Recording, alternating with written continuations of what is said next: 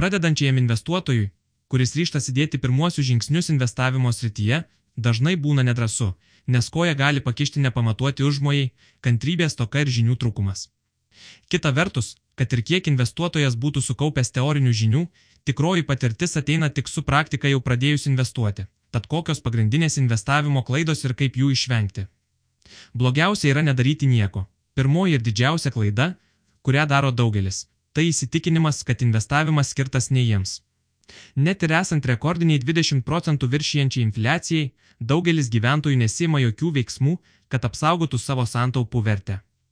Statistika rodo, kad JAV dolerio perkamoji gale per šimtą metų sumažėjo 33 kartais ir dabartinis doleris vertas tik 3 ankstesnio dolerių centų. Taigi, nedarydami nieko su pinigais šiandien, apribojame savo finansinės galimybės ateityje, išmokti investuoti lengviausia investuojant. Antroji klaida yra tikslo nebuvimas. Psichologiškai mums visuomet yra maloniau pinigus leisti čia ir dabar, nes vartojimas suteikia malonumą iš karto, o taupimas nukelia į ateitį. Todėl geriausias patarimas šioje vietoje išsikelti konkretų ir aišku tikslą. Pavyzdžiui, pradėti atsidėti pinigų investavimui tam, kad po 20 metų būtų galima anksčiau išeiti į pensiją ir įsigyti vilą pajūryje. Svarbiausia yra įsipareigoti savo pačiam per konkretų laiką sukaupti numatytą sumą. Trečioji klaida, su kuria dažnai susiduria pradedantieji tai pasitikėjimas avansų netinkamus patarimus dalyjančiai žmonėmis ar abejotinais informacijos šaltiniais.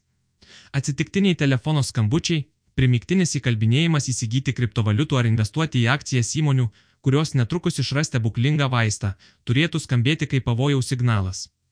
Jei viskas skamba per daug gerai, kad būtų tiesa, greičiausiai taip ir yra. Klaidų įtaka sumažina reguliarumas. Vadovautis emocijomis investuojant yra dar viena klaida. Tik įgyjęs patirties investuotojas išmoksta susitvarkyti su savo vidinė būsena ir vadovautis racionalumu o geriausiai suvaldyti emocijas padeda ilgalaikės perspektyvos požiūris į savo investicijas. Vos tik atsiradus norui ar baimiai kažką iš esmėje keisti, visuomet reikia paklausti savęs, kokios įtakos tai gali turėti ilgalaikiam investavimo tikslui. Atliegus emocijoms dažniausiai paaiškėja, kad geriausias sprendimas buvo neatlikti jokio veiksmo, kaip klaidingą veiksmą būtų galima įvardinti ir nereguliarų investavimą. Pavyzdžiui, turint laisvų pinigų nusprendžiama investuoti, o neturint, nuo investicijų susilaikoma. Įsivaizduokime, kad laisvų pinigų atsirado prieš pat istorinę rinkų griūtį 2007 metų pabaigoje ir jie buvo investuoti vienu įpiau.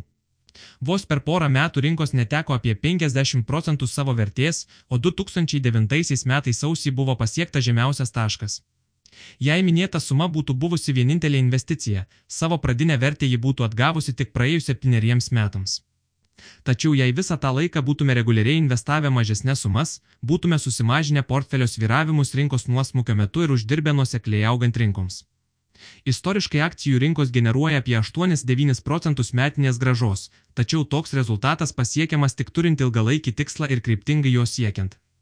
Turint tikslą 20 metų kas mėnesį investuoti, kad ir nelabai didelę sumą, pavyzdžiui, 100 eurų, galima sumažinti trumpalaikių rinkos viravimų riziką asmeninių finansų prioritetai rizikos laipsnis.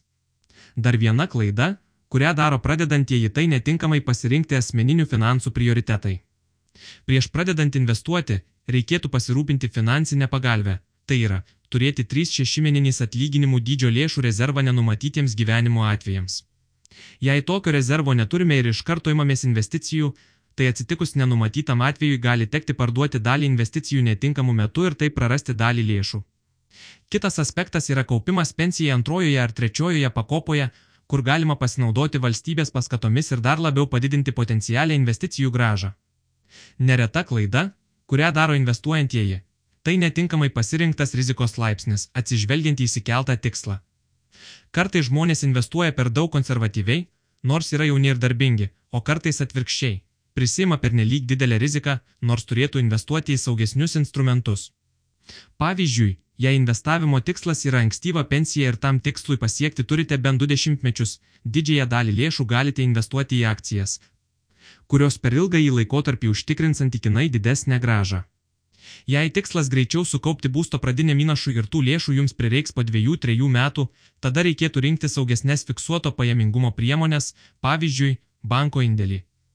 Saugius skolos vertybinius popierius, kurių graža bus mažesnė, tačiau būsite tikri, kad laikotarpio pabaigoje atgausite visą sumą ir dar šiek tiek viršaus. kiaušiniai laikomi skirtingose pintinėse.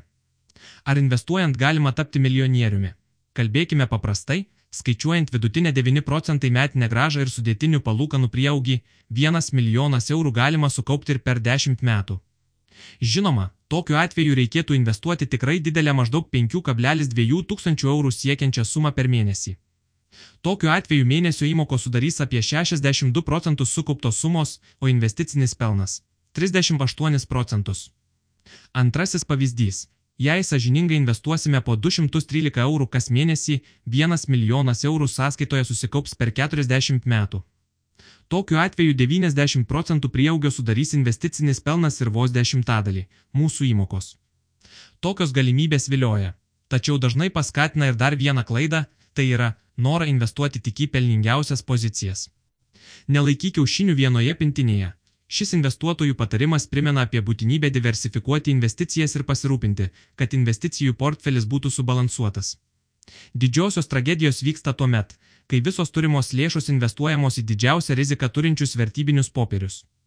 Nepamirškime, kad rinkoms kritus, pavyzdžiui, 50 procentų, būsimas prieaugis prieš joms grįžtant į pradinį tašką turi siekti net 100 procentų. Dėl to pradedančiajam investuotojui dėrėtų mokytis atidžiai analizuoti situaciją ir investuoti reguliariai bei laikytis disciplinos, vengiant nepamatuotų ir jam nesuprantamų rizikų. Apibendrinant, bijoti klaidų investavimo srityje nereikėtų, jos pasitaiko kiekvienam ir neretai priklauso nuo žmogaus psichologijos. Kita vertus, kiekviena klaida dovanoja pamoką ir patirtį. Todėl bent jau pradžioje rekomenduojama investuoti nedidelėmis sumomis, kad pirmosios patirtys nebūtų itin brangios. Nesiblaškykime, Nesekime aklai tendencijomis, o verčiau išsikelkime konkretų ilgalaikį tikslą ir sudarykime aišku planą jam pasiekti. Ilgainiui pamatysime, kaip tai atneša rezultatų ir tai bus didžiausia motivacija investuoti toliau.